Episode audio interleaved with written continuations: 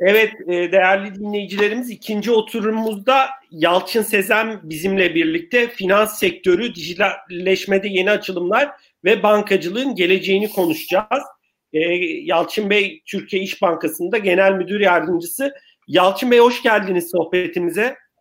Hoş buldum Ozan Bey. E, Yalçın Bey sizinle en son pandeminin başlangıcında Digital Talks ilkbahar 20'de birlikteydik e, biraz geçen süreyi de düşündüğümüz zaman e, günümüze kadar e, geçen süreyi düşündüğümüz zaman bankacılık sektöründe e, bireylerin dijital deneyimleri nasıl etkilendi? E, müşterilerin beklentileri ve davranışları nasıl değişti? E, tabii pandemi süreci de hala aslında devam ediyor. Bu konudaki gözlemleriniz ve yorumlarınız nedir? Dilerseniz bu konuyla sohbetimize başlayabiliriz. Peki. Öncelikle ben bir teşekkürle başlayayım. Teşekkürlerle başlayayım Ozan Bey. Bugün 24 Kasım Öğretmenler Günü bizlerin yetişmesinde emekleri olan, çok emekleri olan öğretmenlerimize hep beraber bir teşekkür edelim. Önce ilk teşekkür öğretmenlerimize. Deniz Bey'e bir merhaba dedim. Şimdi ikinci teşekkür burada hep huzurunuzda Deniz Bey'e. Çünkü hem bir bankanın sıfırdan bire getirilerek kurulmasındaki emeği e, nedeniyle bir bankayı kurması, yurt dışında kurması e, büyük bir olay. Sıfırdan bire gelmek anlattı. E, çok meşakkatli bir çalışma.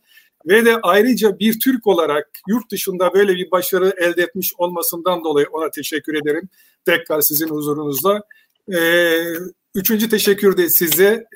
2016'dan beri beraberiz. Ondan sonra bu dönemde 2020'de de pandemi şu bu her türlü ortamda programımızı, etkinliğimizi devam ettiriyoruz. Her gün geçen gün üzerine kata kata değer yaratarak e, ilerliyoruz. E, bir en son teşekkür de size e, ev sahibi olarak size teşekkür edeyim. Üç teşekkürden sonra sorunuza gelelim. 5 Mayıs'ta biz bir araya gelmişiz ve o dönemki e, konuşmamızın, söyleşimizin konusu da e, dönüşüm hızlanacak demişiz.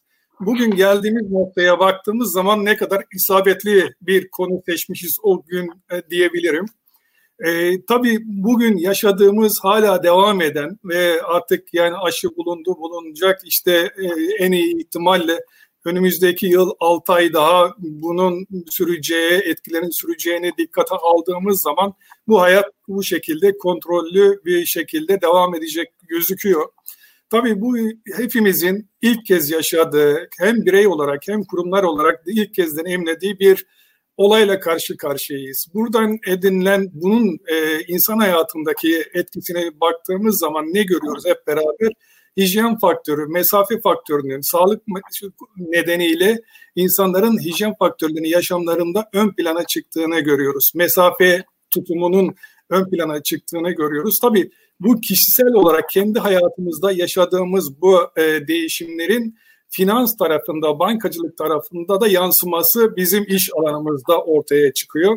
Ne oluyor bu tarihte e, bize daha çok hayatımızda ne gördük dediğim zaman bu sık sık konuşuyoruz işte basında yer aldı. Onun için rakamlarla ilgili çok fazla girmeyeceğim. Ana kalemler itibariyle bunları açıklayacağım. Birincisi itibariyle ben bizim o tarihte dönüşüm hızlanacak derken dijitalleşme dediğimiz birinci başlık dijitalleşme dediğimiz konu daha da hızlanmış durumda ve daha da gidiyor. Yani biz 2016'da Digital Talks diye başladığımız bu çalışmalarda 2016'da fiilen başladık. O tarihlerde bugünleri gör, bugünleri belki pandemi olacak diye başlamadık.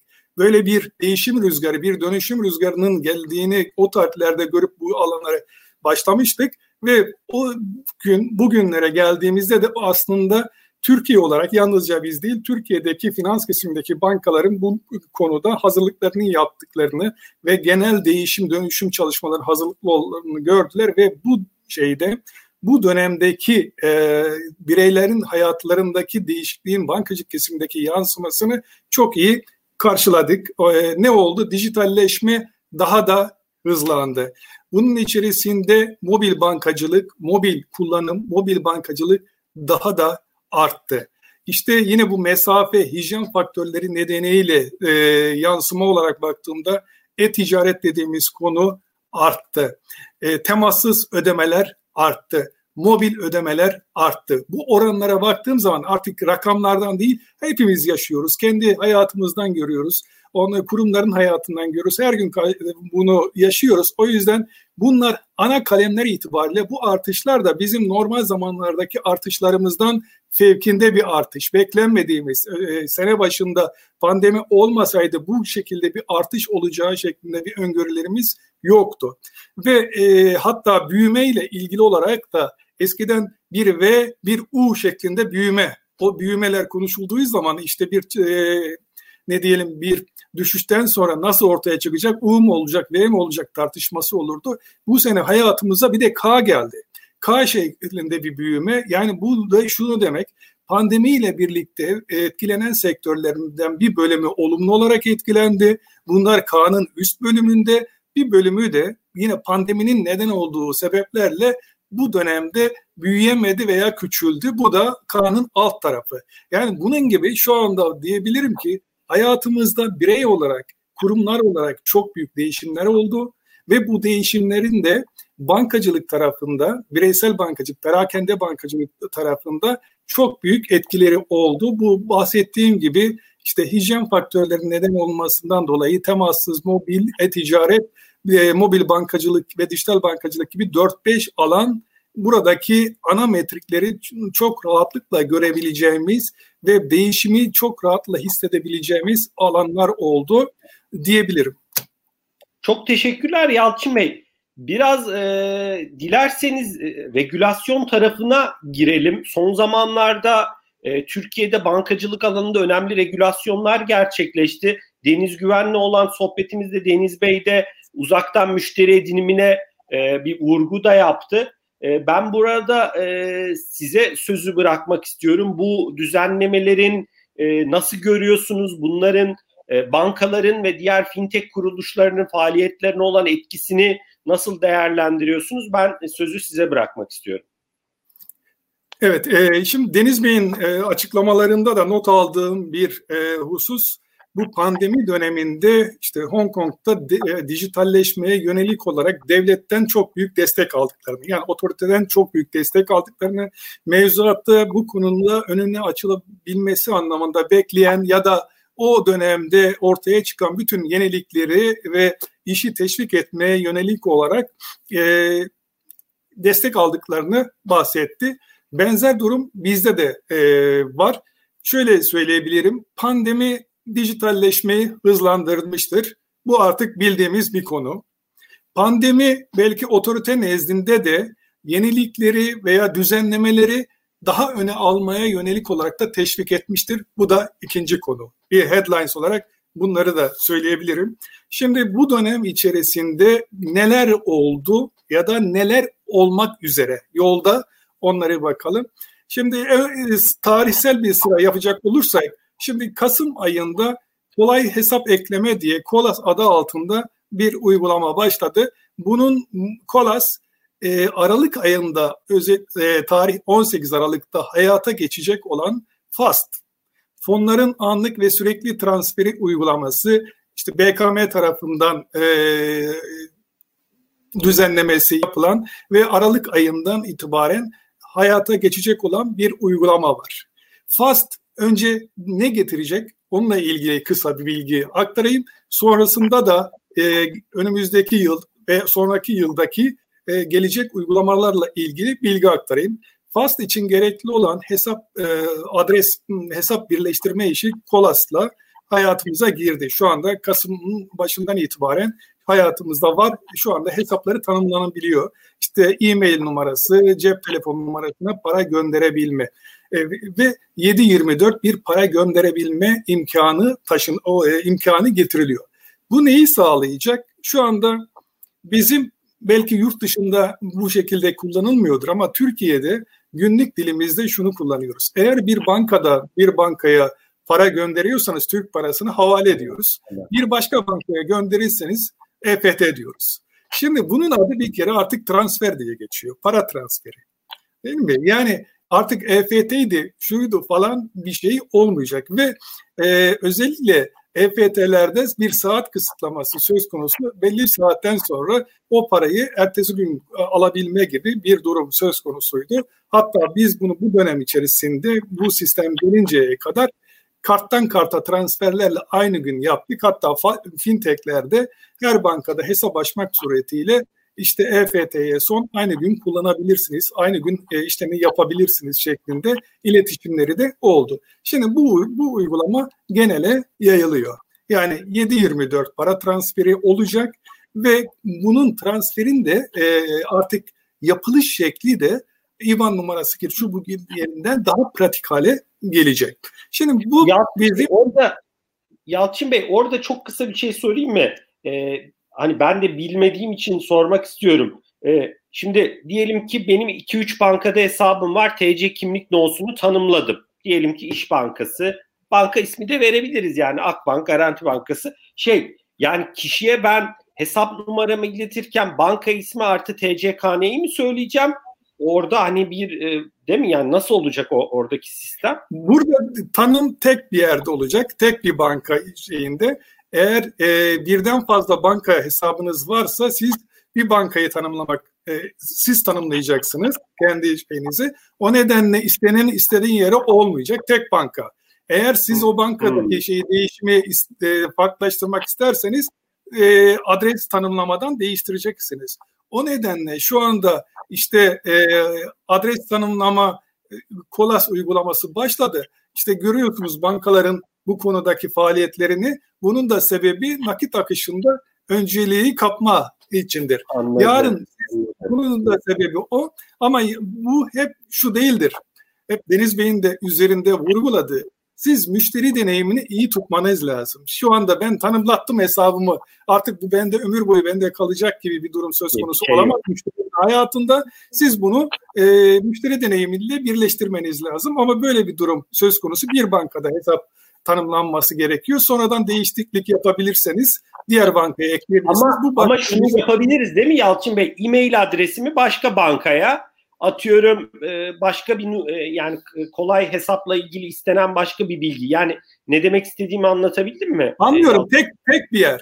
Şu anda tek bir yer. Tek bir yer. O. Tek bir yer. O yüzden şu anda bir başlasın ondan sonra e, gidişata göre farklılaşma olabilir. Bu e, çeşitli ortamlarda da gündeme geliyor. Bir hayatı başlatalım. Sonraki dönemlerde evet. e, ihtiyaca göre şekillenir.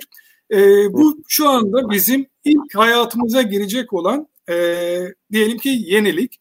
Onun dışında e, özellikle Deniz Bey'in bahsettiği konulardan bir tanesi ve bizim hayatımızda da çok etkisi olacak olan bir konu e, digital onboarding.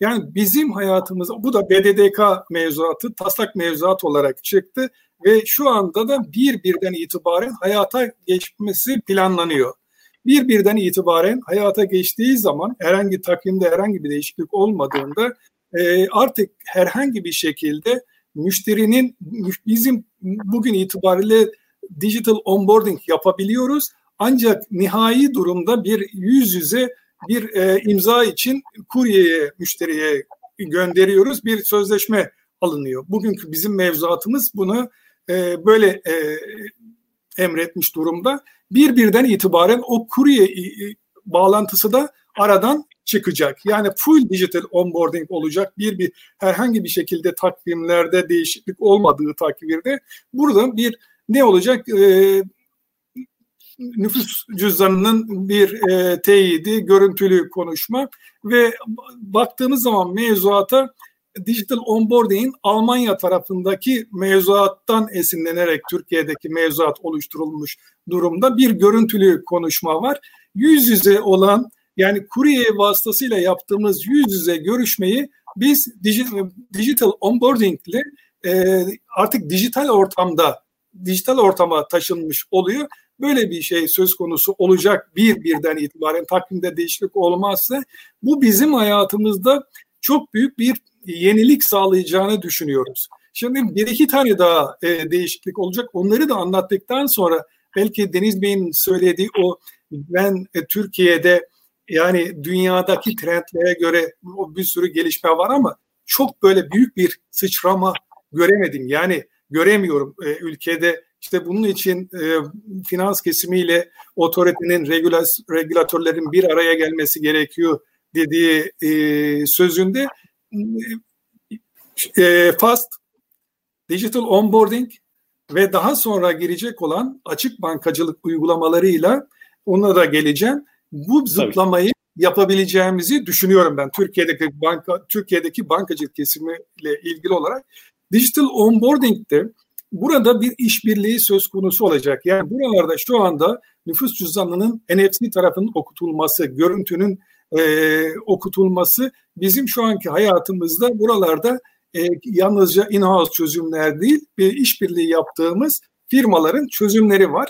Şu anda e, bütün bankaları bilmiyorum. Biz kendimiz bu uygulamanın bir bir de başlamasını dikkat alarak o tarihe yetişecekmiş gibi hazırlanıyoruz. Hazır neredeyse çalışmaları bitirmek üzereyiz diyebilirim. Yavrum Biz, Bey orada bir şey sorayım mı? Ee, siz Deniz Bey'in o bahsettiği konuya da eminim değineceksiniz. Üçüncü maddeye de gelmek üzereydiniz. Açık bankacılıkta galiba.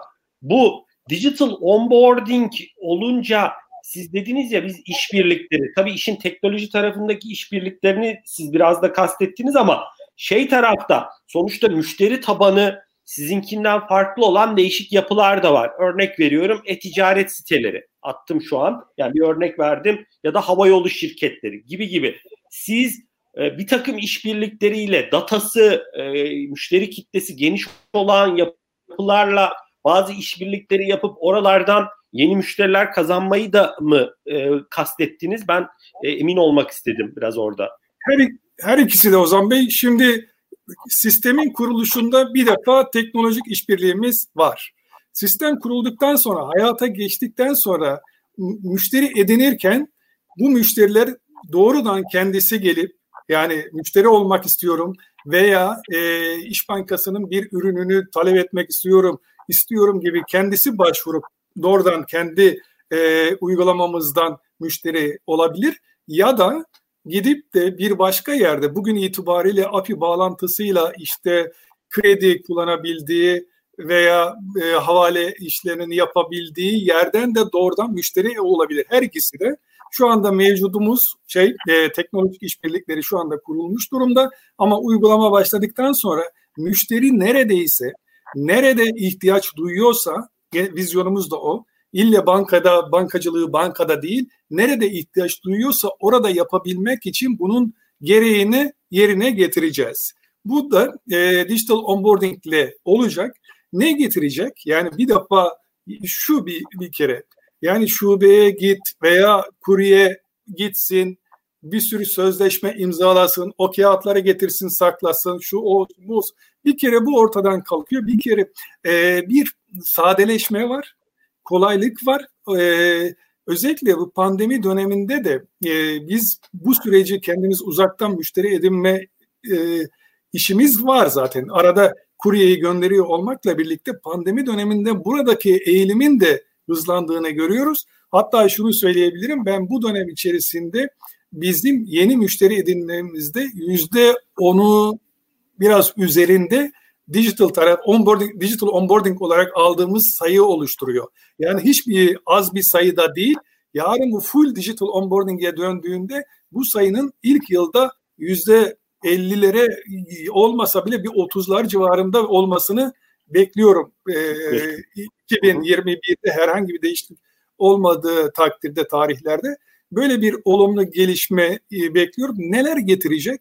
Ya bir defa sizin bankacılık müşterisi, banka müşterisi olabilmeniz çok kolaylaşacak.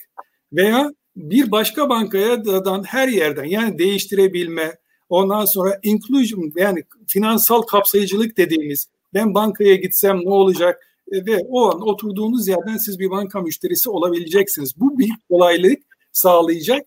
Bir de ne sağlayacak? E, burası da buraya da çok önemli görüyoruz.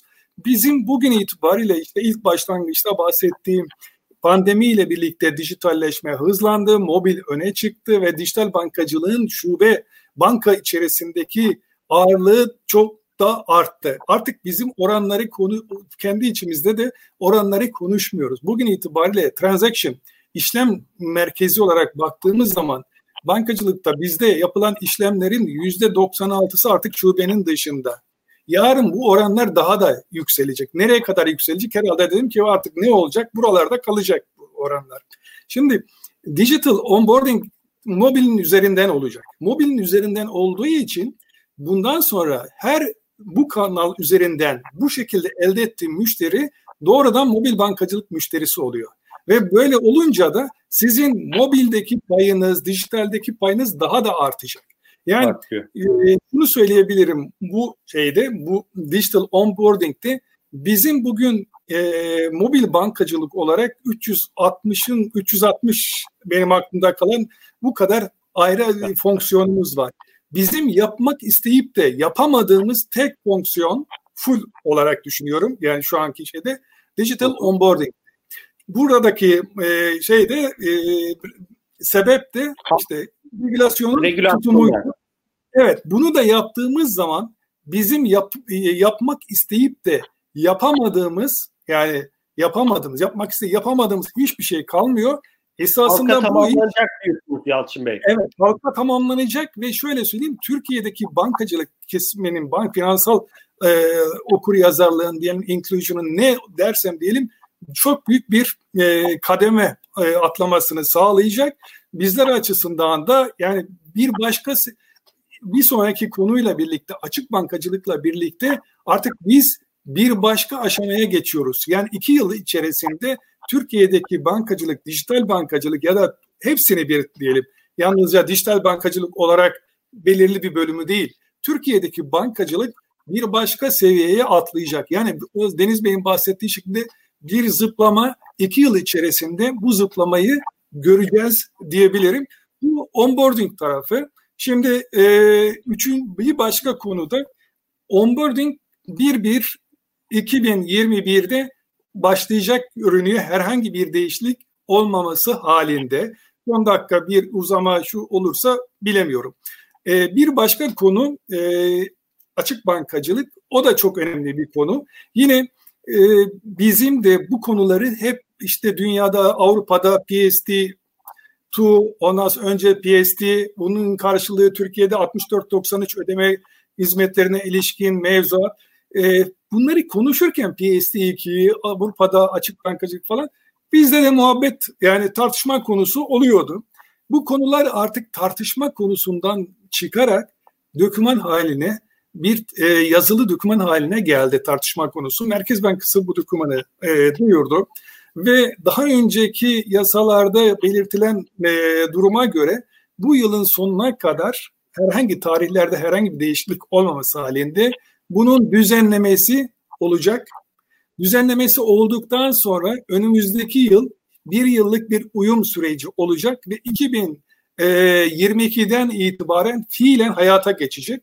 Bugün itibariyle açık bankacılıkta iki tane önemli hizmet e, gözüküyor şu anki tartışma dokümanında. İşte e, bir e, ödeme hizmeti e, başlatma, ödeme başla, ödeme hizmeti başlatma. İkincisi de hesap bakiyesini e, paylaşma, görüntüleme hizmeti. Ne getirecek? Burada açık bankacılık e, finansal e, bankacılıktaki ya da finans kısmındaki finansal verilerin e, üçüncü partiler aracılığıyla, lisanslı üçüncü partiler aracılığıyla API'ler vasıtasıyla açılması. Açılması yani bir şekilde bunu verilerin, finansal verilerin demokratikleşmesi diye de adlandırıyoruz. Siz artık bu veri benim, bu bende gibi onu sahip olmak benim o ille bu bendedir diyemeyeceksiniz. Bu e, üçüncü partilere açılacak.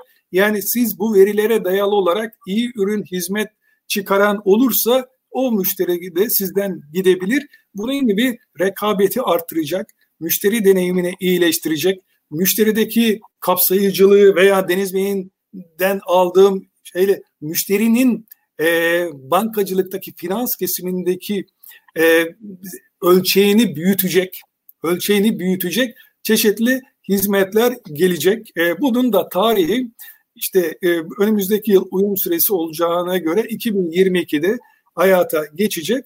Bir başka konu yine o da mevzuatta çıkan e, TR karekod O da Merkez Bankası'nda. Hatta TR kare kodun FAS'ta da bir bağlantısı var. FAS'ta ilk açıklamıştım. TR kare kodda da burada da bir standart olacak. Bugün bankacılıkta diğer kurumlarda da diğer finansal kurumlarda da hepimizin bir kare kod uygulaması var. Ben bankamatikte de kullanıyorum, alışverişte de kullanıyoruz. Ama bunların bir standardı yok. Şu anda her bankanın ayrı ayrı bir e, kare kodu var. Burada da bir standart hale geliyor. Bu standart olduğu için olduğu zaman yine de burada da yine biraz önce bahsettiğim gibi işte sadeleşme yani gereksiz yere herkesin ayrı standart olmaz kurmasını engelleme gibi ekonomik faydaları oluyor.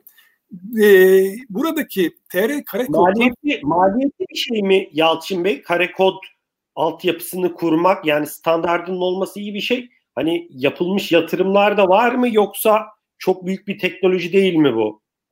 Çok büyük Bilmiyorum. teknoloji değil. Çok büyük teknoloji değil. Yani biz bunları yaptık. Bunları yapınca standarda getirince çok büyük maliyet öyle değil. Bunun şöyle değil. diyeyim. Orada buradan elde edeceğimiz fayda oluşacak maliyetten çok çok yukarıda. Onun için şu anda hepimiz şunu istiyoruz ki ya böyle bir sistemler var. Bu sistemlerin böyle bir şeyi hayata geçirdik. Daha çok kullanılmasını sağlayalım ve daha çok finansal kapsayıcılık e, olsun. Bunun FAS'la ilgili bölümü var. Şimdi FAS'ta açıkladığım zaman FAS'ta ben de 7.24 para transferi olarak açıkladım. FAS'la TR kare kod birleştiğinde esasında FAS bir ödeme yöntemi.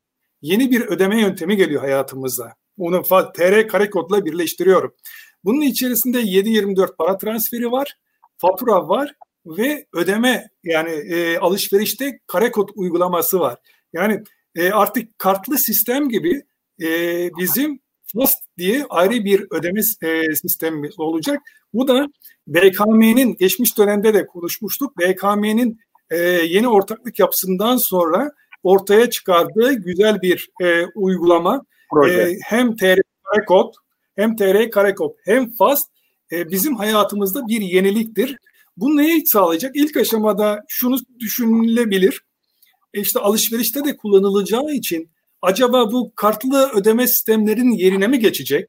Siz yani temassız kart yerine, temas mobil ödeme yerine e, bunu fast mı kullanacaksınız, QR mı, kare kod mu kullanacaksınız e, gibi tartışmalar olabilir. Bunu biz zamanında da ilk bu e, konular gündeme geldiğinde biz kendi aramızda da BKM bünyesinde de tartışmıştık o zaman. Ama şöyle bir şey diyelim, benim tecrübem şunu gösteriyor. Bu tür e, ödeme çeşitliliği hiçbir zaman birbirini kanibalize etmiyor. Daha da pastayı büyütüyor. Buradaki amaç yani nakde alternatif yöntemler. Yani alışkanlıklar kolay kolay değişmiyor. İnsanlar mobilse mobil öder. Buradaki FAS'la e, kare kod, FAS'ın içindeki kare kodlu ödeme ile nakit yapacağınız ödemeler yerine bunu, bunu bu şekilde yapabilirsiniz. Hem cebinizde para dolaştırmayın hem sağlık hem hijyen faktörü hem de ekonomiye katkı anlamında böyle bir e, olumlu bir e, yanı olacak. Şeyin e, TR kare kodda onun da uyum süresi var bir yıl 2021 ama onun e, FAS'la birleşecek olan bölümü 31 Mart 2021. Yani biz herhangi bir şekilde tarihlerde değişiklik olmaması halinde e, ilk çeyrek, önümüzdeki yıl ilk çeyrekte e, kare kodu alışverişlerimizde de kullanabilir hale geleceğiz. Bu üçünü toplayacak olursam yani bu üçü bizim bankacılıkta, finans kesiminde bir üst seviyeye atlatacak diyebilirim. Yani bunun içerisinde işbirlik biraz önce teknolojik işbirliği, iş işbirliği, business işbirliği gibi birçok işbirliği barındırıyor. Ve şöyle söyleyebilirim yani bir heyecan bir, bir şeyi var bizim de bizde şu anda. Çünkü hep yaptık bu zamana kadar getirdik. İşte 300 küsur 360 tane işte dijital bankacılıkta artık neredeyse yapılamayacak her şeyi yapabileceğimiz her şeyi yaptık. Regülasyonun izin vermediği konular kaldı. Onları da yapıyoruz. Artık şöyle bir biz e, şunu diyorum ben iki yıl içerisinde belki seneye öteki seneki nasip olursa yapacağımız programlarda bunu konuştuğumuz zaman deriz yani işte e, 2020'de böyle konuşmuştuk şimdi nereye geldik diye bakıp göreceğiz yani. Herhalde yanılmayız diye düşünüyorum. İyi bir gelişim olacak hem ülke ekonomisine hem Türkiye'deki bankacılığa ondan fintechlere, e, şeye, bütün Türk müşterileri hepsine, herkese, bütün herkes herkese. burada kazanacak.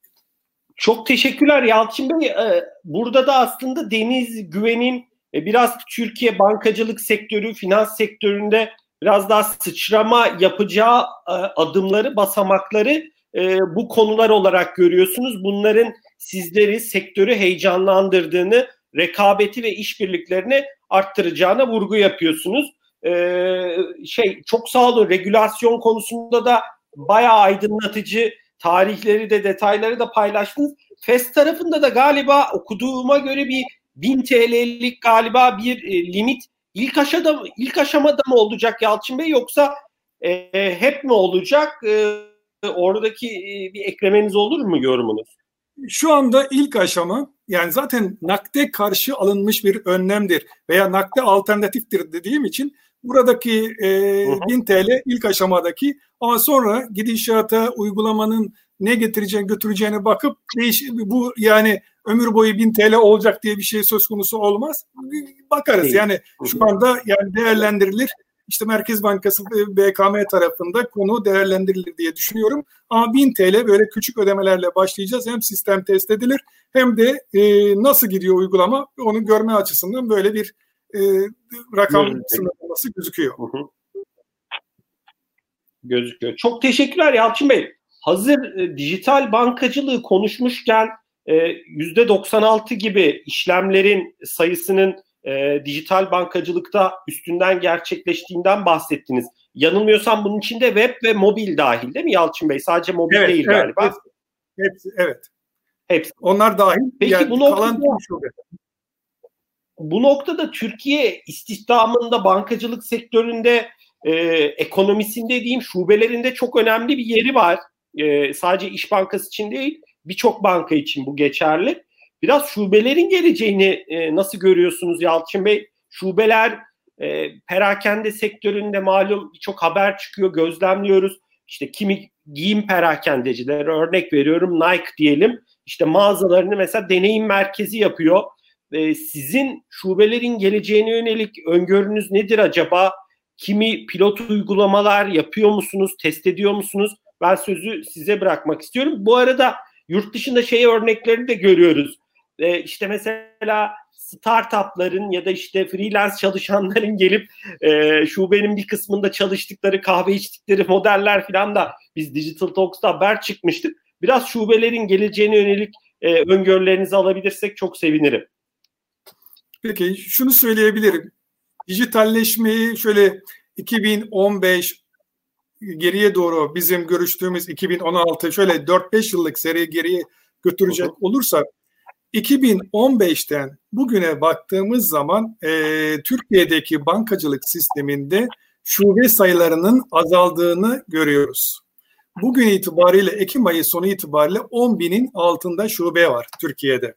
Yani 9978 gibi bir rakam hatırlıyorum ve 1200 şube o tarihlerden e, geldi, geriliyor. Tabii şube sayısının gerilemesine paralel olarak buradaki e, istihdamda da bir azalma söz konusu. E, şimdi dijitalleşmenin... Yalçın Bey, Yalçın Bey 1200 şube mi kapandı bu sürede? Yani yaklaşık 11.200'den 10.000'e mi geldik? Evet tamam. bu şöyle 1200 kapandı anlamında değil. Burada kapanan açılan var Neti bu şekilde. Neti anladım. Tamam. Neti yani dönem içerisinde açılıyor. Yani şu anda biz de gerektiğinde şube açılıyor, piyasalar bir yere kayıyor ama nette böyle bir durum söz konusu. Ee, bu dönem yani 2000 yıllar itibariyle seyre baktığımızda 2020 yılında pandeminin de etkisiyle bu dönem bu çalışmaların e, ne diyeyim çok sık olmadığını görüyoruz. Tamam mı? Hı hı. Ama pandemi sonrasında da bu şube sayılarının azlığının e, azalmasına devam edileceğini öngörüyoruz. Yani Türkiye'de bankacılıkta şube sayılarında biraz daha azalma söz konusu olacak. Bu şu demek değil. Burada şubeler tamamen yok olacak şeklinde bir öngörümüz yok. Şubeler bankacılıkta şubeler olacak ama bugünkü şekilde olmayacak. Daha da azalacak. Yani nerede kalacak onu optimum seviyeyi e, dijital bankacılık ve diğer taraftaki e, şubelerdeki fiziki bankacılık tarafındaki gelişmeler orada birlikte göreceğiz.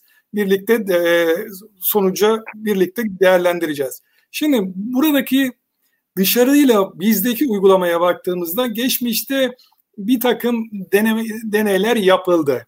Ee, sizin bahsettiğiniz türden kafe olsun, şu olsun, bu olsun. Bunlar çok başarılı bir e, örnek olmadı Türkiye şartlarında. Ama bu dijital dönüşümle Türkiye'deki şubelerin yapıları da değişti. Yani bugün itibariyle biz de bütün şubelerimizde bu geçmiş dönemde bir dijital dönüşme tabi tuttuk. Burada ne oldu? Şubeler artık böyle işlem merkezi olmaktan çıktı. Bugün itibariyle %96'sı şubenin dışından gerçekleştiği için şubeler daha çok bir tavsiye merkezi konumuna geldi. Bir kere gişe dediğimiz alanlarda o ilk müşterinin karşılandığı alanlarda eskiden şöyle yüksek bir pozisyondu. O bir defa yataylaştı. Müşteriyle karşılıklı birer herkes müşteri temsilcisi pozisyonuna geldi. Bu birincisi. Yani şubede ne oldu? Şubedeki müşteri etkileşimi sıklaşıldı, daha yakınlaştı. Ne oldu? Şubeler artık eskisi gibi böyle çok katlı şubeler değil, daha metrekare olarak daha küçük alanlar haline geldi. Böyle e, şubenin niteliği değişti. Şu anda bunu bizimle bizim yaptığımız gibi sektördeki diğer e, bankalarında benzer çalışmaların olduğunu görüyoruz. Bu şubenin etkisinin nasıl olacağını gösteriyor. Burada şunu söyleyebilirim. Yani şu bu çok e, sık e, karşımıza gelen e, tartışma işte şube yani şu var şube azalıyor şube hayatımızda olacak. Şimdi e, Pure Digital'da özellikle bu dönem içerisinde yapılan araştırmalara baktığım zaman en son e, İngiltere'de yapılan bir araştırma e, okumuştum. Orada deniyor ki işte pandemi döneminde siz yani şubeli olan bir bankaya mı gider yatırırsın tasarrufunuzu yoksa digital mı e, bir şeye gidersiniz? Yani sizin buradaki duygunuz nedir? Sentiment e, araştırması şeklinde yapılmış ve burada daha önceki dönemlerde hep işte neolar, challenger'lar önde olurken bu dönemde e, puan kaybettiklerini ileri sürüyor e, araştırma. Bu da bir psikolojik etki diyor. Pandemi döneminde hepimiz bireyler, kurumlar hepimiz biraz ne diyeyim belirsizlik döneminde bir psikolojik durum nedeniyle şimdi pencereden bakıp orada böyle fiziksel bir ihtiyaç e, hissediyormuş gibi bir algı oluşmuş durumda. O nedenle işin bir psikolojik boyutu var. Bir şunu söyleyebilirim. Bugün e, Philip Kotler e, pazarlama 4 diye tabir ettiği konu dijital dünyayla fiziksel dünyanın etkileşimi sonrasında ortaya çıkan yapı diye tanımlıyor. Bugün işte her şeyimizi çoğu işte onboarding dışında dijitalden yapabiliyoruz diyoruz. Varız diyoruz. Ama fiili hayata baktığın zaman her şey e, dijitalde bittiğini görmüyoruz şu anda. Dijitalde biten bölüm var. Bir bölüm tekrar şube tarafıyla etkileşimli. Ne oluyor? Müşteri orada e, işi bitiremiyor. Müşterinin e, ne diyelim e, finansal okuryazarlığıyla ilgili bir ihtiyaç var. Dijitalle e, fiziksel dünyayı birleştirdiğimiz zaman ve buradan çok daha iyi sonuç elde ettiğimizi görüyoruz biz şu anda. O nedenle gelecek açısından da şubelerin hayatımızda olacağı ama sayılarının bugünkü yapıda olmayacağı, günün şartlarına göre farklı tipte şubelerin de açılabileceğini söyleyebilirim. Sayılar azalacak, sayılar azalacak ama dijital dünyayla fiziksel dünyanın etkileşimli olduğu bir yapıyı önümüzdeki dönemde daha sık göreceğiz. E, şu anda da bu yapıyı zaten görüyoruz. Yani e, yok bu daha yapı, da gelişecek diyorsunuz Yalçın Bey. Evet, daha da gel, gelişecek e, diyebilirim. E, ama şey sayısı şube sayılarında ki azalma devam edecek devam diyebilirim. Bir şey daha iş modelinizi şube bankacılığı üzerine kurduysanız e, artık değiştirmediyseniz zaten bu zamana kadar geç kalmışsınızdır diyebilirim bu saatten sonra. E, şu iş modeliniz şube bankacılığının dışına çıkmış olması gerekirdi bu zamana kadar. E, çünkü şube artık model, iş modeliniz dijitalin üzerinde olacak. Şube de destek tarafında yer alacak bir bütünleşik olarak hayatta bulunacak diyebilirim. Çok teşekkürler Yalçın Bey. İşin psikolojik tarafında e, Deniz Güven'in de bahsettiği hani bankalar, güven kurumları şubenin varlığı da e, herhalde herhalde demeyeyim hani büyük bir ihtimalle güven duygusunu da kuvvetlendiriyor. Sonuçta orada insanların, müşterilerin somut e, bir takım yapılar görüyor olması e, şube sayısı fazla olan ya da şubesi olan e, bankalara bir avantaj sağlıyor e, diye de düşünebiliriz. Evet, Anladım. aynen. Aynen e, katılırım. Hatta Deniz Bey e, konuşmasında söyleşide güveni çok kullandı. Ben de hep altını çizdim. Güven, güven, güven. Kendilerinin avantajlı olmasını kendi piyasalarında işte ortaklarından elde ettikleri ortak, güven unsurunu da öne çıkarmıştı. Bunu e, aynen katılırım. Güven unsuru. Belki bu güven unsurunu konuşurken e, sıklıkla tartıştığımız bir konuyu size de açayım. E, işte hep e, çeşitli ortamlarda da gündeme gelir. O da şu işte Bill Gates demiş 1996 yılında e, bankalara gerek bankacılığa olacak ama bankalara gerek olmayacak diye bunu da hep tartışırız. E, onun da arkasında biz de o görüşte değiliz deriz. Yani Bill Gates bunu bahsetmedi. O tarihte böyle bir şey bankaların yok olacağı anlamında değil. Bankacılığın, bankaların bu gelişen e, teknolojik atmosferde, ortamda kendilerine iyi bir pozisyon almaları, bu değişen dünyada kendilerini ona göre şekillendirmelerini e, tavsiye etmek amacıyla böyle bir tahrik edici bir söylemde bulunmuştur diye söylerim. Çünkü bugün ya, evet bunu böyle yorumluyorum. Çünkü bugün itibariyle işte bankacılık, bankalar ya da versus şunlar, bankalar versus bunlar. Buradaki önemli olan konu gerçekten güven. Güven dediğimiz konu çok kolaylıkla elde edilen bir his, bir konu değil, bir özellik değil. Siz güveni çok kolay kaybedersiniz ama o güveni kolaylıkla kazanamazsınız. Bakın bugün e, yaşayan bankalara baktığım zaman dünyada 1472'ye gidiyor. İki banka var şu anda. 1472'de İtalya'daki Monte di uzun bir ismi var Siena. 1690'da da Barclays Bankası'nın kurulduğunu görüyoruz. Kaç 500 yıldan fazla hayatta veya Türkiye örneğine gelelim. Bizim kuruluşumuz 26 Ağustos 1924 96. yılımızı kutladık. 100. yılımıza doğru gidiyoruz ve uzunca bir süre bir burada bir hayattasınız ve her sene güçlenerek büyüyorsunuz. Bunlar böyle kolay bir şeyler değil. Yani e, siz bu bu kadar süre alacaksınız, üstüne koya koya gideceksiniz. Bunun literatürdeki adı e, resilience. Tam Türkçe'ye çevirdiğim zaman artık dirayetlik, direnç gibi çeşitli isimleri altında söylenebiliyor ama bunun altında yatan en büyük değer güvendir. Yani güveni oluşturmak için sizin çok emek sarf etmeniz lazım. Öyle çok kısa sürede bir yılda, iki yılda, şurada falan olacak bir şey değildir. Bu şöyle söyleyeyim normal zamanlarda belki çok hissedilmeyebilir ama biraz hava bulutlandığı zaman güven unsurunun ne kadar önemli olduğunu o zaman görürsünüz. Bizim hep bu dönemlerde biraz daha belirsiz olan dönemlerde banka olarak hep daha çok kazanım elde ettiğimizi söyleyebilirim ben. Ama bunun için mesela işte tarihsel bir güç ya bu güven unsuru. O nedenle güven önemli bir konudur. Güveni oluşturmak için sizin uzunca bir dönem müşteride bir şeyleri bırakmanız lazım.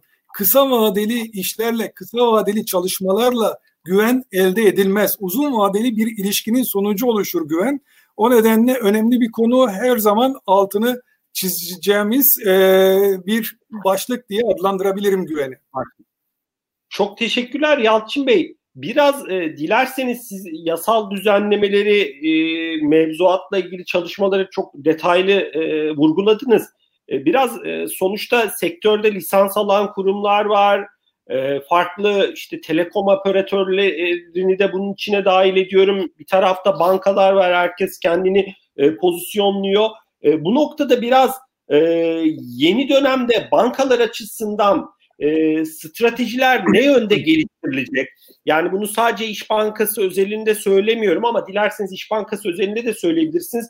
Bankacılığa ihtiyaç ne yönde evrilecek? Rekabet ne yönde gelişecek? Biraz bu konudaki öngörülerinizi alabilir miyiz? E, dilerseniz sonrasında sizin sonuçta e, MOKA ödeme kuruluşunu satın aldınız Temmuz ayında. E, satın almak için aksiyona geçtiniz. Bilmiyorum hukuki süreç tamamlandı mı? İşte geçtiğimiz aylarda Softtech Ventures'ı hayata geçirdiniz. Biraz e, buradaki gelişmelerle ilk sorumu da birleştirebilirsiniz. Ben size bırakıyorum ya da ayrı ayrı değerlendirebilirsiniz. Ben sözü size bırakıyorum Yalçın Bey. Tamam ben her ikisini birleştirip cevaplayacağım. E, eksik kalırsa sonradan lütfen tekrar hatırlatın. Şimdi bizim bu dijital hayatta, dijital dönüşümde, dijitalleşme çalışmaları içerisinde inovasyon ve girişimcilik ayrı bir başlıktır. Ve e, bu döneme baktığımız zaman işte inovasyon çağı veya dijital çağ ne dediğimizde bu çağın öne çıkan noktalarından bir tanesi işbirlikleridir. Artık bu dönemde her şeyi kendiniz yapacaksınız, her şeyi in-house yapacaksınız, kapalı olacaksınız gibi bir durum söz konusu değil. İşte açık bankacılık diye adlandırdığımız bir yapı geliyor. Yani bu dönem içerisinde siz uç vereceksiniz artık. Bizim açık bankacılık diye uygulama gelmeden önce de yani şu anda bu uygulamadan önce de bizim zaten API sayımız 40'ın üzerinde API sayımız var. Şu anda API'lerimiz 40'ın üzerinde. Biz bu çalışmaya bank olarak daha öncesinden de başlamıştık. Yani işbirliği yalnızca kendimiz değil, işimizin işte işlerimize ne diyelim fintechler de startuplar da hayatta onlar da finansal işlerden bir bölüm alacak ve bunlarla birlikte siz yeni dönemde pastayı büyütebilmek için çeşitli işbirlikleri yapmak zorundasınız. Bu işbirlikleri yaparken de bu işbirliklerini bir nasıl yapacaksınız? API'lerle yapacaksınız veya onlarla e, bir ne diyelim iş e, biraz önce Deniz Bey'in de e, bahsettiği gibi bir ortaklık yapılarına gireceksiniz. Kendiniz bu alana girebilirsiniz.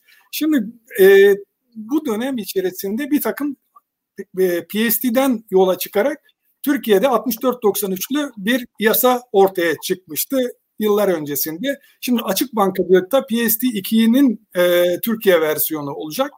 Burada e, Merkez Bankası'nın lisans verdiği üç farklı lisans vardı. Bunun bir tanesi e-para, biri ödeme şirketi, ödeme hizmeti, bir tanesi de fatura e, tahsilatı hizmeti. Üç farklı lisans vardı. Bunların üçünün de bir olan var. E-para olduğu zaman veya fatura olduğunda ikisinin olduğu gibi farklı farklı versiyonları var. Şimdi buralarda neden varsınız? Neden bir kere bu alanda olmalı mısınız? Önce o taraftan başlayayım. Bir, A, girişimcilikle ilgili bir hayat var şu anda. Siz kendinizi kurumunuzun içerisinde girişimciliğin de kurum içi girişimcilik, kurum dışı girişimcilik gibi farklı farklı versiyonları var. Biz bunu her ikisinde yapıyoruz. Hatta işte hızlandırma programları, girişimcilik programları, Work Hub'ı yine 2016'dan beri o da hayatımızın içerisinde artık böyle yıllar çabuk geliyor geçiyor. 7. dönem 8. dönem o kadar hızlı hızlı giriyoruz. Şimdi bir taraftan böyle bir çalışmalar dışarıda gidiyor. Bir tarafta kurum içi girişimcilik diye kendi içimizde çalışmalarımız var. Bir taraftan işte Ventures dedik, Venture Building dedik, Softec Venture Building bu yine bu dönem içerisinde kuruldu.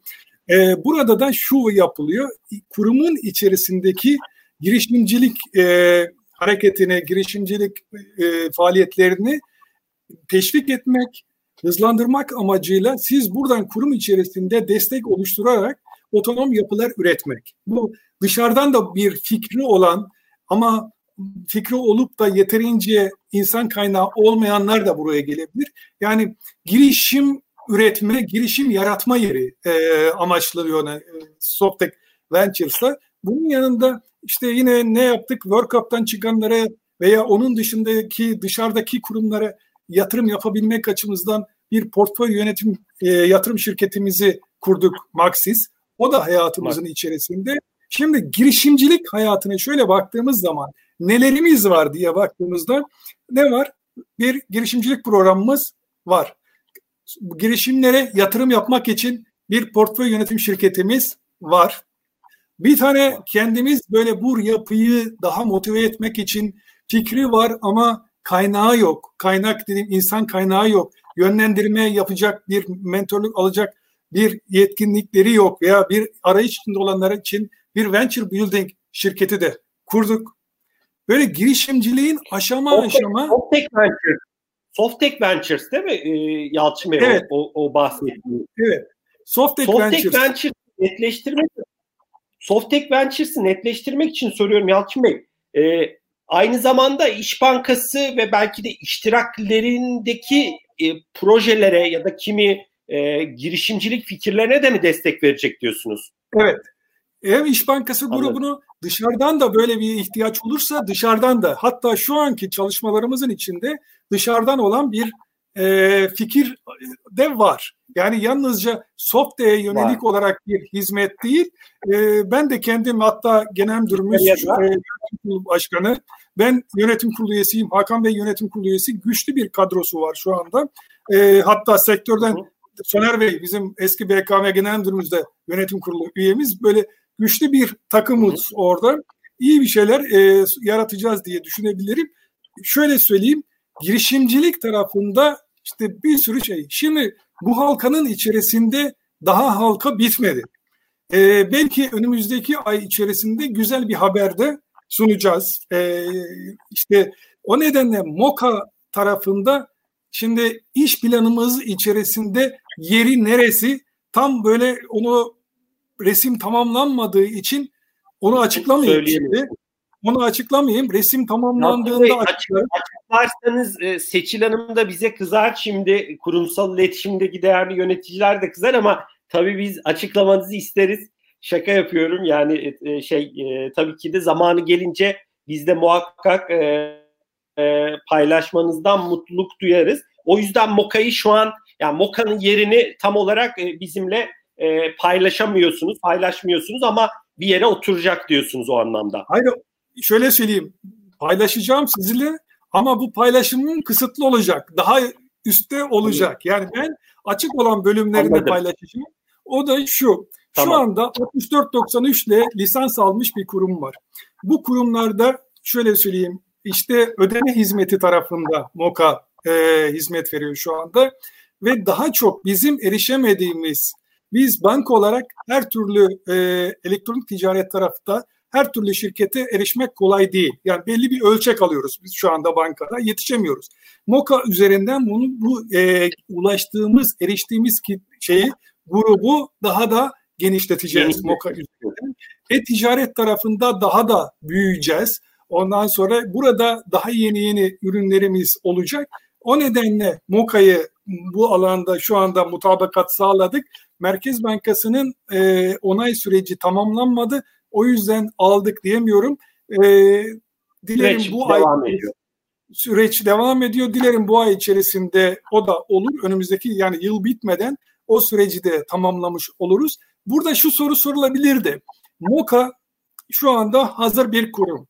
Siz banka olarak 6493 altında bir şirket kurabilirdiniz kendiniz. Neden sıfırdan kurmadınız, gittiniz aldınız. Buradaki yapımız da şu. E, neden bunu yaptık? Böyle bir şey çözdük. Buradaki genel yaklaşımımızda hep ben bahsederken her ortamda hep işbirliği diyorum ve her şeyi kendim yapacağım mantığı bitti diyorum. Her şeyi kendimiz yapalım. Sıfırdan aman onu kuralım. Burada şeye pazara daha hızlı çıkabilmek adına ve e, böyle bir e, şey e, satın alma bizim açımızdan daha e, değerliydi. Bir de genel yaklaşımımızı artık biz bıraktık yani şey tarafında. Her şeyi ben yapayım. Her şeyi sıfırdan kurayım. Her şey mümkünse biz mümkünse bir iş yaparken bir yazılım, bir program, bir şirket ben bunu dışarıdan elde edebilirim, dışarıdan alabilirim. Dışarıdan bir teminim kolaysa, yapabiliyorsam bunun şeyi herhangi bir kısıtı yoksa biz önce diyoruz ki genel anlayış anlamında git kardeşim bir an önce yap şu işi al bu işi bitir. Ondan sonra şimdi bir de kendi tarafımızda çünkü yapılacak çok işimiz var. Şu anda sırada bekleyen birçok işimiz var. Bu dönem işbirliği çağı yalnızca kendi e, yapılacak işleri kendi kaynaklarınızda yapacaksınız şeklinde bir yaklaşım yok. O nedenle MOKA'yı da e, bu çerçevede aldık. Önümüzdeki döneme geliyorum. Şimdi sorununuzdaki son halkayı tamamlamak için. Şimdi söylediğim şu, hep, e, belki konuşmalarımda bahsedilen hep işbirliği, işbirliği diyor. Açık bankacılık, fintechler, API hep işbirliği. işbirliği yaparken de işbirliği yaparken de bir kavram daha var. Ne diyoruz? İşbirliğini kiminle yapacaksınız? Kendi iş kolunuzun değer yaratacak çeperindeki firmalarla. Ya yani buna da ne diyoruz? Ekosistem diyoruz. İşbirliği ekosistem yaratıyor. Peki ekosistem bir başka şeyi yaratacak. Bundan sonrası için ekosistem de yine bu da endüstride çok tartışılan konu, konuşulan konu ama herkesin e, dilinde yapılıyor mu, yapılabiliyor mu? Yapan başarılı olacak, kazanacak veya işte e, Deniz Bey'in yine açıklamalarında ya da bizim Çin deneyimlerimizde gördüğümüz oradaki başarılı uygulamalar ya da Batı'da Amerika'daki başarılı uygulamalar o da platform. Şimdi işbirliği, ekosistem platform. Platform tabanlı e, iş işler ortaya çıkacak. Yani ne olursanız siz işbirliği yaparak önce ekosisteminizi büyüteceksiniz. Sonra bu ekosistemde platforma döneceksiniz. Bu da bu o işbirlikleri de artık fiziki değil, fiziki yapıyorsanız yapın, dijital olacak. Bu üçlü, üç kelime, üç kavram bundan sonraki hayatta bütün bizim bankacılık kesiminin göz önünde bulundurması gereken kavramlar diyebilirim. İşbirliği, ekosistem, platform buradan herhalde yeterince ipucu vermiş oluyorum Vermiş. diyebilirim. Yalçın Bey, Maksimum Mobil'le yaptığınız yatırımda daha önce de belirtmiştiniz. Aslında ekosistemi e, ve aslında platformu geliştirme e, stratejinizin bir planı, bir parçası olsa gerek diye düşünüyorum. Evet, e, aynen. Bununla daha önceden konuşmuştuk. Burada da önümüzdeki dönemde daha gelişmiş yapıları göreceğiz. İş cebin içinde de iş cep market şeklinde bir yapı oluşturduk. Maksimum Mobil'de bir platform var. İş e, maksimum iş yerinde ticari versiyonda bir platform var. İş cepte bir iş market olarak bir platform var. Belki önümüzdeki dönemlerde bu platformların bir birleşmesi söz konusu olabilir. Bunu hep beraber görürüz. Çok teşekkürler e, Yalçın Bey. Aslında konuyla da biraz ilintili olduğu için yani sizin yeni servisleriniz de çıkıyor. Bazen reklamlarına da karşılaşıyorum ya da hani sitenize girdiğim zaman görebiliyorum. Dinleyicilerimizden birinin sorusu dijital kasa ürününüzle ilgili sizin bir sorusu var. Ee, mesela dijital kasa e, yani sonuçta sizin biliyorum bir şeyiniz var. E, iki tane hatta Hakan Bey daha önce sohbetlerde de bahsetmişti. E, Tier 4 standartlarına sahip e, merkezleriniz var, altyapılarınız var. E, dijital kasa nereye oturuyor bu planda? Hani bir e, value sunmak bilmiyorum. Hani o, o konuyla ilgili değerli dinleyicimizin bir sorusu var. E, o konuda bir e, yorumda bulunmak ister misiniz? Tabii. Şimdi bugünün şartlarına, bugünün ihtiyaçlarına uygun çıkarılmış bir hizmettir, üründür dijital kasa. O da şu, işte dijital dünyada her geçen gün dijital varlıklarımız artıyor. Bu dijital varlıklarımızı da saklayacak bir yerimiz olması lazım. Şu anda de bunun international uygulamaları var ama bu international uygulamalar işte bulutta saklanıyor, şu saklanıyor vesaire farklı farklı uygulama var. Biz de buradaki ihtiyacı görerek hem kendimizin bir veri merkezi var. Burada Tier 4 e, sertifikalı bir veri merkezi yaptık. yaptık. Bu veri merkezini daha e, hem de buradan da bir fayda sağlayalım diye bu ürünümüzü, bu hizmetimizi geliştirdik. Yine burada da işbirliği var. Tek başımıza değiliz. Yine bir teknoloji firmasıyla işbirliği yaptık.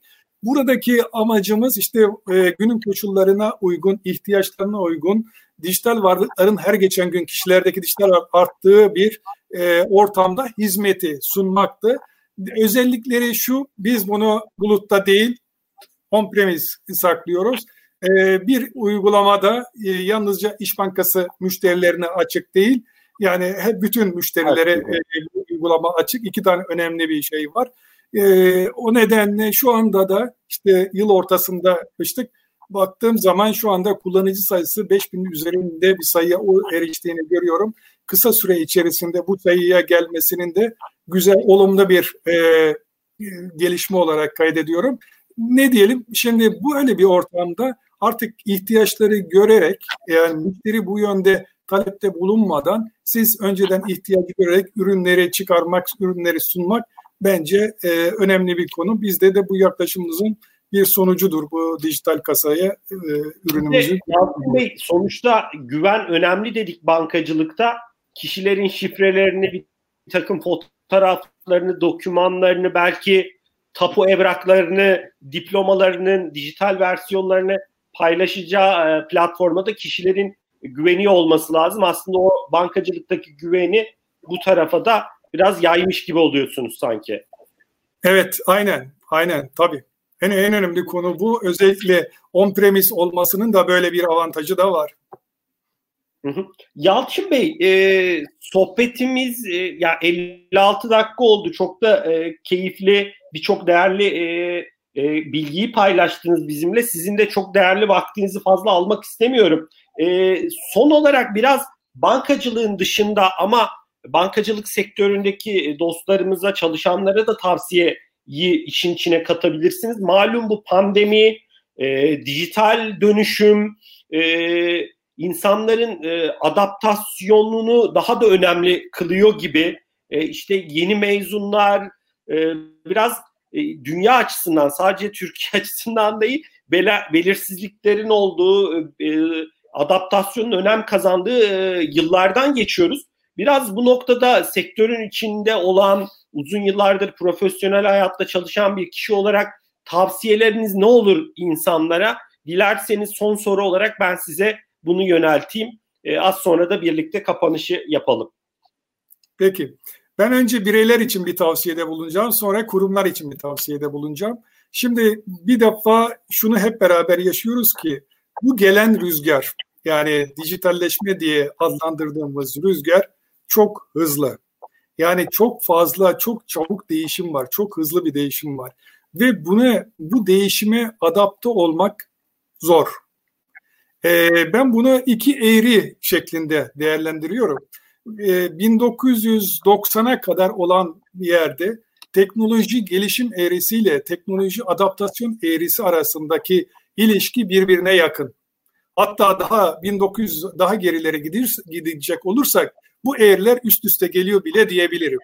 Ama bir özellikle 1990'dan sonra 2010'dan sonra baktığımız zaman bu eğri açılıyor yetişemiyoruz. Artık yetişemiyoruz. Şimdi birey olarak yapacağımız konu şu. Birey olarak de, tavsiye edeceğim konu bu eğrinin açılmasını engellememiz lazım. Bu eğrinin açılmasını engellemek için teknolojiyi durdurmak çözüm değil. O bizim elimizde olan bir şey değil. Orası gidecek. Orası gidecek. Bizim o teknoloji eğrisine yakınsamamız lazım. Bunu da nasıl yapmamız lazım? Bunu da çalışmamız lazım. Başka bir şey değil. Okumamız lazım, çalışmamız lazım. Şunu da söyleyebilirim burada. Yani ne olur? Ben hayatta disiplinli olanların, başarılı olanların hayat tarafından ödüllendirildiğini e, söyleyebilirim. Ondan sonra da şöyle e, hazır olduğumuz zaman da eğer çalışma yapıp da hazır olduğumuz zaman da şansın hazır olanlara doğru geldiğini görebilirim. Hatta pastörün burada bir sözü var. E, şans hazır beyinlere güler diyor. Yani şans hazır beyinlere güler olmak için, şans da elde edebilmek için bu çevreden, bu e, değişimden faydalanabilmek için bizim hazır olabilmemiz açısından e, çalışmamız, trendleri yakın takip etmemiz, okumamız bugün itibariyle insanların artık bilgiye erişemiyorum, benim e, vaktim yok, ondan sonra param yok, şu falan iş uç örnekleri vermek istemiyorum. Tamam Bugün her türlü bilgiye erişmek kolay. Artık burada da bir demokratikleşme var. Bugün itibariyle işte özellikle pandemi döneminde baktığım zaman artık, artık açık inovasyon dediğim veya her gün bir şey var.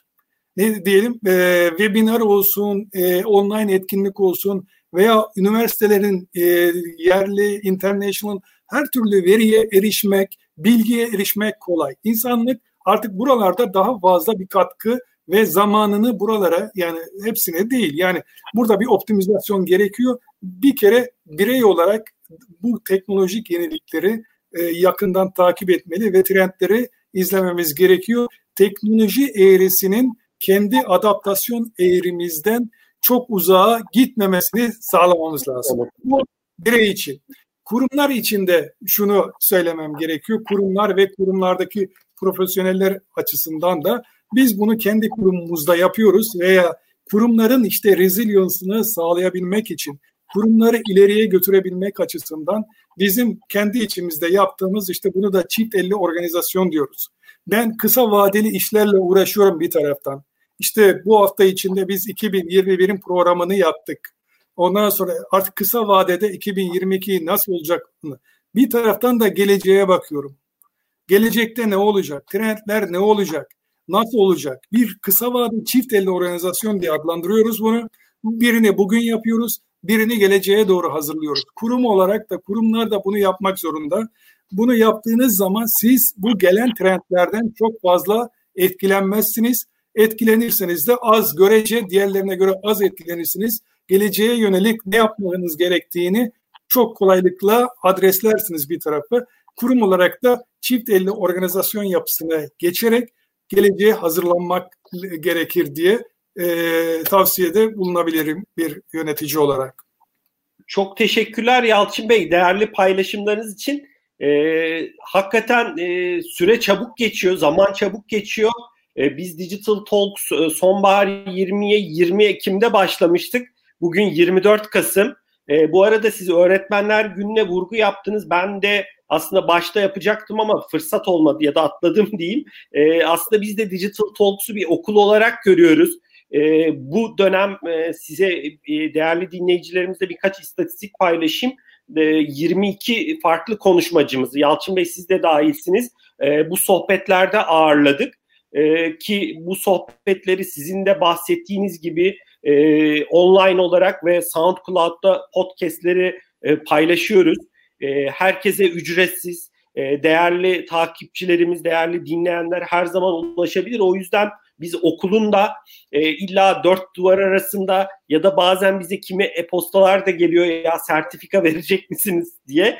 E, sertifikaya da o anlamda çok inanmıyoruz. Sonuçta kişi kendini geliştiriyorsa, ispatlıyorsa e, bizce sertifikaların da çok önemi yok. E, o yüzden e, biz de öğretmenlerin öğretmenler gününü kutlarız ama aynı zamanda bu sohbetlerde ağırladığımız e, değerli konuşmacılarımıza da çok teşekkür ediyoruz. Çünkü onlardan da biz çok şey öğreniyoruz. Eminim değerli dinleyicilerimiz de çok şey öğreniyor.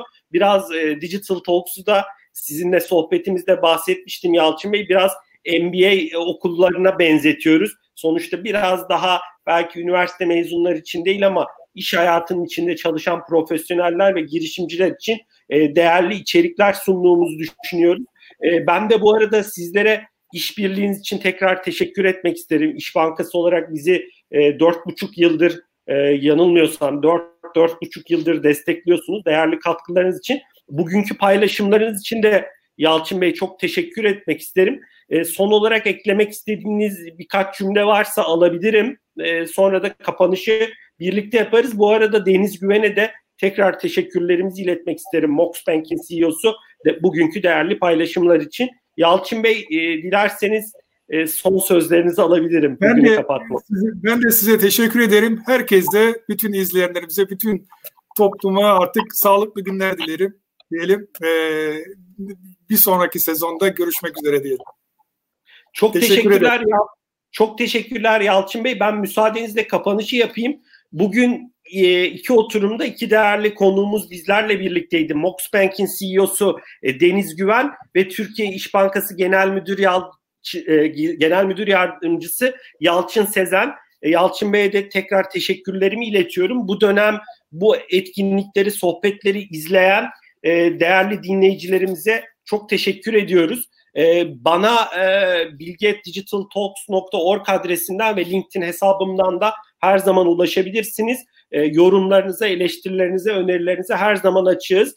E, Yalçın Bey'in de bahsettiği gibi herkese de güzel bir gün, sağlıklı bir gün dileriz. E, ilerleyen dönemlerde tekrar görüşmek üzere. E, çok teşekkürler Yalçın Bey. Size de güzel bir akşam diliyorum. Birlikte yayını kapatıyorum. İyi akşamlar.